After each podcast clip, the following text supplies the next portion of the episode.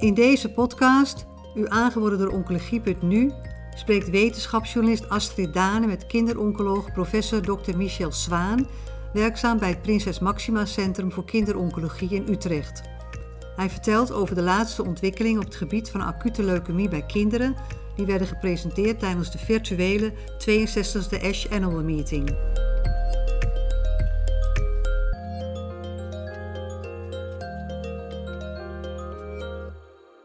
Spreek vandaag met uh, Michel Zwaan, uh, kinderoncoloog en hoofd van het trouw- en datacentrum van het Prinses Maxima Centrum in Utrecht. Uh, goedemorgen. Goedemorgen, Astrid. Ja. Wij ehm, zouden het hebben vandaag over de ontwikkelingen bij ehm, kinderen met acute lymfatische of acute myeloïde leukemie. die gepresenteerd zijn tijdens de ASH van dit jaar, de virtuele eh, 62e ASH Annual Meeting. Eh, er was een mooie presentatie met eh, blinatumomab. Kun je daar wat over vertellen? Ja, ik denk dat dat uh, een hele uh, belangrijke en uh, interessante presentatie was. wat er gedaan is, is dat binnen het zogenaamde Intreal, dat is het eerste recidief lymphatische leukemie, hoog risicoprotocol, wat in heel Europa eigenlijk open was, um, de derde consolidatie chemotherapie-kuur gerandomiseerd is tegen een kuur met blinatumomab. Uh, en dat is eigenlijk de laatste kuur voor de transplantatie.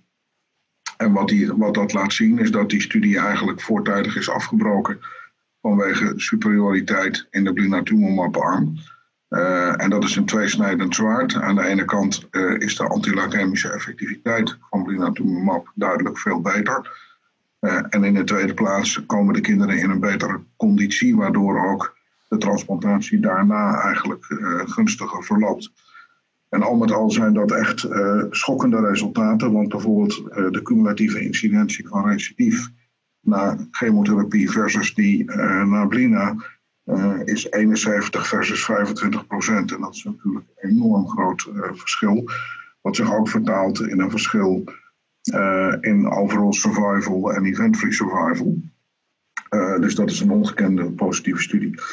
Dat wisten we al wel een beetje, omdat uh, Pat Brown vorig jaar op de ASH-meeting de resultaten van de Children's Oncology groep heeft laten zien. Met eenzelfde soort randomisatie, maar dan twee kuren blina in plaats van consolidatie chemotherapie. En die kwam eigenlijk precies tot dezelfde bevindingen. Uh, ook bij eerste recidief hoogrisicopatiënten. Dus concluderend uh, is er denk ik nu overtuigend bewijs van twee verschillende groepen op de wereld dat blinatumomab consolidatie veel beter is dan de intensieve chemotherapie. Die wij tot nu toe uh, gaven bij eerste recidief ALL. En dat is echt een paradigm shift. Ja. Dit gaat ook invloed hebben op de kliniek. Ja, we, moeten, we zijn bezig met het ontwikkelen van het nieuwe integraal protocol. Uh, daar willen we ook gebruik gaan maken van uh, inotuzumab. Dus daar willen we het denk ik nog wel over hebben. Uh, maar daar zal Blina zeker in de consolidatie een rol moeten gaan spelen. Waarbij we nog moeten oplossen hoe dat vergoed gaat worden. Want momenteel is Blina alleen vergoed voor tweede recidief voor falen na stamceltransplantatie. dus nou, dat moet dan ofwel door Amgen beschikbaar gesteld worden. Ofwel er moet natuurlijk een aanvullende registratie komen. Zodat we dat ook voor deze patiëntengroep uh, gewoon in de zorg kunnen gaan inzetten. Ja. En zijn er nog andere uh, immunotherapeutische middelen die goede resultaten geven bij ALE? Ja, dus met name inotuzumab is dan denk ik interessant. Inotuzumab is natuurlijk in zekere zin immunotherapie en chemotherapie, want het is eigenlijk een antibody-drug conjugate, want het is anti-CD22 gebonden aan chemotherapiemiddel caligeyamicine. Wat we al kennen vanuit uh, Mylotarg voor kinderen met myeloïde leukemie. En we hebben op dit uh, congres uh, resultaten laten zien van de fase 2 kinderstudie. ja, die eigenlijk bevestigt wat we ook in de fase 1 kinderstudie al gezien hadden. wat we vorig jaar hadden gepresenteerd. Die net gepubliceerd zijn trouwens. Um, waarbij we ongeveer 80% complete remissies vinden in kinderen met tweede of hoger recidief dan wel refractaire ALL. Dat is natuurlijk ongekend uh, hoge uh, activiteitspercentages uh, voor kinderen met een dergelijke recidief. Ehm, nou, dat leidt ertoe dat we in kinderen met eerste recidief vervolgstudies gaan doen met inotuzumab. Ook in de context van het entreaalprotocol wat ik net noemde. Ehm, maar dat we bijvoorbeeld ook uh, inotuzumab nu al ingebouwd hebben in het huidige ALL Together protocol. Dat is helemaal het upfront protocol voor kinderen met acute lymfatische leukemie. Waarbij uh, kinderen die um, een niet optimale MRD-respons hebben in de zogenaamde uh, medium risicogroep. een extra kuur inotuzumab in de consolidatie geven om te kijken of daarmee dat effect kan worden teniet gedaan, zeg maar. Mhm. en je ziet ook nu bij de volwassenen dat er allemaal protocollen komen waar, hè, dus dat gaat met name over ouderen met ALO, waarbij uh, beide middelen eigenlijk gecombineerd worden in een protocol. Dus zowel de inotuzumab, dat meer in inductie, en blinatumumab uh, in consolidatie of onderhoud. Ehm, en die middelen worden door volwassenen eigenlijk veel beter verdragen dan de conventionele chemotherapie.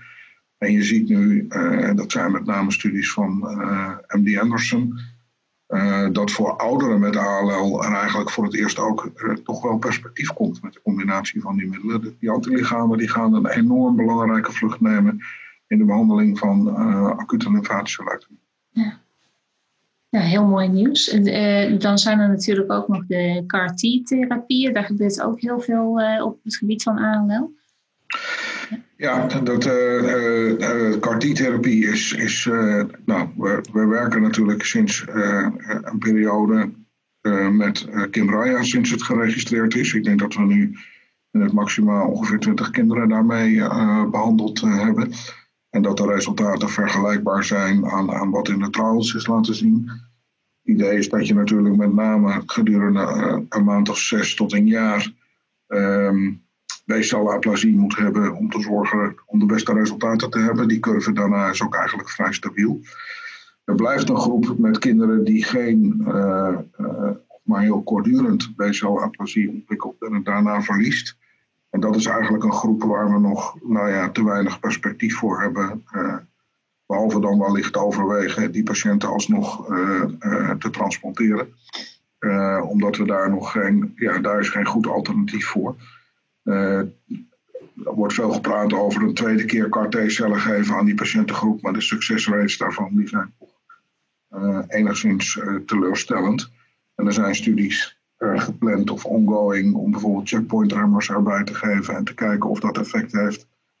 Um, maar dat, dat, staat eigenlijk nog in de kinderschoenen. wat wel interessant is, is dat er nu ook CAR-T-celtherapie gemaakt wordt voor T-cel acute lymfatische leukemie. Dat is wel allemaal Noord-Amerika. Uh, bijvoorbeeld Baylor College doet dat, uh, bij de groep van uh, Rouse. Um, ja, dat is heel interessant. en je ziet dat dat in ieder geval remissies kan induceren, maar die data zijn allemaal nog vrij preliminair, in de zin nog vroeg in de behandeling. Um, en je ziet ook initiatieven opkomen voor myeloïde leukemie gericht tegen CD23 en CD33. Maar CD33 is, dacht ik, allemaal nog preklinisch. CD123 zie je al wel uh, dat City of Hope daar uh, een studie voor open heeft. Maar ook daar zijn de resultaten nog erg vroeg in het, uh, om daar iets definitiefs over te kunnen zeggen. Ja. Er was er bij de ASH ook één presentatie van een groep die heeft gekeken naar het effect van CD19 CAR-T nadat patiënten blinatumomab hebben gegeven, omdat beide middelen op CD19 gericht zijn. Ja, ja dat, is, uh, dat, dat is interessant. Wat je ziet is dat uh, kinderen die eerder blina hebben gehad, uh, het slechter doen. wat misschien komt omdat, omdat ze CD19 dim worden, om het zo maar te zeggen. Dus dat ze een CD19 down reguleren en dan minder goed op de CAR-T-cellen reageren. Dus een slechtere expansie hebben en een uiteindelijk een slechtere persistence van de uh, CAR-T-cellen krijgen en daarmee dus minder goede CAR-T-cel uitkomsten. Wat niet heel duidelijk is nog is of hoe dat komt. Is dat enkel en alleen aan blinatumomab te wijden of is dat zo omdat deze kinderen leukemie hebben waar in een eerdere fase het nodig was om met blina te behandelen. Bijvoorbeeld omdat ze het niet deden op chemotherapie en dus bijvoorbeeld intrinsiek resistenter zijn of toch een ander CD19 genetisch mechanisme hebben, ja, dat is allemaal niet duidelijk. Dus laat ik zeggen, de achterliggende biologie en oorzaken. Hè? Dus of dat echt een kausaal verband is, dat moet nog worden onderzocht. Dus voorlopig is dit een observatie, maar wel een observatie waar je rekening mee kan houden als je bijvoorbeeld in de spreekkamer beleid moet maken.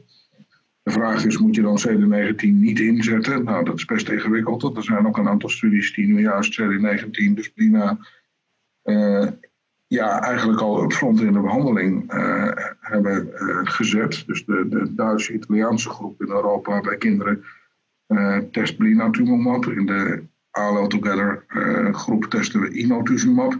Maar dat betekent dat er straks een grote groep kinderen komt die of Ino of Blina hebben gezien. En waarvan er dan later de kinderen die uit die protocollen gerescued moeten worden, uh, omdat ze uh, toch een recidief hebben gekregen, zullen moeten zien wat het effect daarvan op CAR-T-cellen is. Dus dat verhaal is zeker nog niet klaar. We willen natuurlijk wel graag ook de CAR-T-cellen naar upfront brengen. Uh, met name omdat uh, nou ja, bij kinderen die jong zijn natuurlijk de effecten van ongunstig zijn. Met name omdat we inmiddels weten dat je bij acute lymfatische leukemie totale lichaamsbestraling moet gebruiken om de beste resultaten van de transplantatie te krijgen. Maar totale lichaamsbestraling is wel geassocieerd met ja, lange termijn effecten. Dus uh, iedereen is ook aan het denken van kunnen we, hoe kunnen we uh, zeker voor kinderen de stamceltransplantatie vervangen uh, door CAR-T-cellen. En er is een studie die trouwens niet gerandomiseerd is, maar die heet de Cassiopeia-studie waarin we dat ook concreet eh, proberen. Die studie is ook open in het eh, Maxima. Om voor de, de risicogroep uh, te kijken of we stamceltransplantatie door CAR-T-cellen kunnen vervangen. Ja, die resultaten moeten natuurlijk nog komen, maar zeker een interessant concept. Ja. En dit was allemaal op het gebied van ALL. Zijn er nog uh, ontwikkelingen op het gebied van myeloïde leukemie?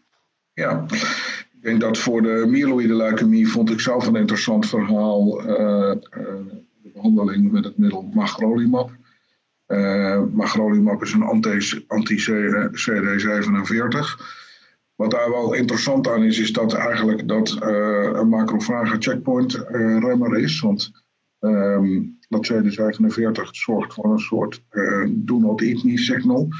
en als je dus dat anti-CD47 geeft, dan kunnen die macrofagen weer effectief hun werk doen in het opruimen van de kankercellen. Uh, en in combinatie met azacitidine bij nieuw gediagnosticeerde uh, uh, acute myeloïde leukemie zag je daar behoorlijke effectiviteit van. Dus dat middel lijkt wel erg interessant. We zijn zeker ook geïnteresseerd om dat middel bijvoorbeeld bij T-cel acute lymfatische leukemie te gaan toepassen in recidiefsetting in combinatie met anti-CD38, daratumumab. Um, en daar was ook een, een preklinische presentatie van de groep van Dennis Schewe uit, uh, uit Kiel. Die liet zien dat de, uh, in ieder geval in PDX-modellen die combinatie van CD38, anti-CD38 en anti-CD47 uh, leidt tot de eradicatie van TALL. Dus dat moet zeker ook in de kliniek uitgetest worden. Dus dat is therapie die niet specifiek is misschien voor myeloïde leukemie, waar, wel bij meer subtypes kan worden gedaan. Uh, en verder denk ik dat voor myeloïde leukemie met name um, op het gebied van de FLT3-remmers zo is dat de Children's Oncology Group nu begonnen is met een gerandomiseerde studie, uh, sorry, nee, met een cohortstudie waarbij alle patiënten die een FLT3-mutatie hebben gilteritinib uh, aan het krijgen zijn. En in Europa zijn we nog aan het kijken hoe we de FLT3-remmers beschikbaar krijgen voor onze kinderen met myeloïde leukemie. Want bij volwassenen uh, zijn er diverse registraties, maar er is nog geen enkele FLT3-remmer uh, eh, voor kinderen geregistreerd. Mm En uh, je vertelde ook nog dat er studies zijn met menin-remmers. echt wel interessant. Een aantal jaren geleden waren er studies die gingen in, dat waren de zogenaamde DOT1L-remmers. Uh, die waren, uh, leken ook in, in, muizenmodellen heel interessant om met name uh, KMT2A gemuteerde leukemieën te behandelen. maar die zijn eigenlijk een beetje geflopt in de zin dat ze, nou, als je goed naar de data kijkt, zag je wel maturatie van leukemiecellen. Dus opheffing van het maturatiearrest. Maar die, er waren eigenlijk geen echte responses. Ehm, nu, deze menin inhibitors, dat ook onderdeel is van dat KMT2A-complex, zie je eigenlijk ehm, dat uh, dat er wel complete remissies gemeld worden. En dat geldt voor beide compounds die nu getest worden. Er zijn twee firma's, Syndax en Cura, die nu data hebben gepresenteerd. Syndax vorig jaar, Cura dit jaar. Maar beide melden dat ze complete remissies zien bij patiënten met KMT2A-recidive. bij volwassenen, maar wel als single agent. En dat geeft natuurlijk, dat hint er wel op dat dit toch effectieve geneesmiddelen zijn. Uh, dus we zijn met beide bedrijven in gesprek om te kijken hoe we deze resultaten voor kinderen kunnen vertalen. En dan geldt ook hier weer voor dat het zowel interessant is voor acute myeloïde leukemie met MLL-translocaties, maar vooral natuurlijk ook voor de groep van infants met acute lymfatische leukemie, omdat daar die KMT2A-translocaties ook uh, zo relevant zijn. Ja. Zijn er nog andere belangrijke ontwikkelingen te melden? Uh, nou, ik denk dat we, uh, wat ik zelf nog wel interessant vond, was het verhaal van uh, Janine Stutterheim. Dat ging ook over infants. We gaan er net toch over infants. Um, die liet eigenlijk zien als je naar MRD keek, dat kinderen die als ze end of inductie hoge MRD hadden in het interfront-protocol, dat kinderen eigenlijk heel erg voordeel lijken te hebben van de myeloïde consolidatie die in dat protocol gerandomiseerd gaat over het afgelopen protocol. Waar een randomisatie in zat tussen lymfatische en myeloïde consolidatie. En je ziet dat kinderen die dus in het eerste blok chemotherapie goed op lymfatische therapie reageren, uh, het meest baat hebben van doorgaan met lymfatische therapie. Maar dat kinderen die niet zo goed op de lymfatische therapie reageren, meer baat hadden van switchen naar myeloïde therapie. Um, ja, dat is wel interessant, want uh, het is natuurlijk altijd de vraag bij die infants. Daar zijn ook echt lineage switches beschreven. dus nu heb je toch een soort bewijs dat een deel van die groep inderdaad voordeel heeft van uh, therapie. En het andere wat denk ik erg belangrijk is voor die patiëntengroep, is dat iedereen die end-consolidatie MRD negatief wordt, een veel betere outcome heeft dan uh, als je ook nog een, een consolidatie MRD positief bent. Ja.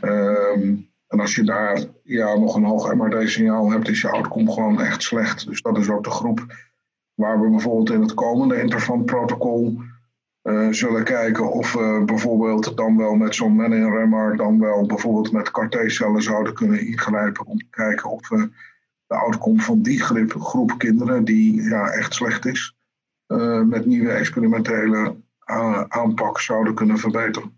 Ja. Oké, okay, heel veel nieuwe ontwikkelingen. Dankjewel voor je toelichting. Ja, dankjewel. Graag gedaan. Bent u geïnteresseerd in meer podcasts? Deze zijn te vinden op de website oncologie.nu.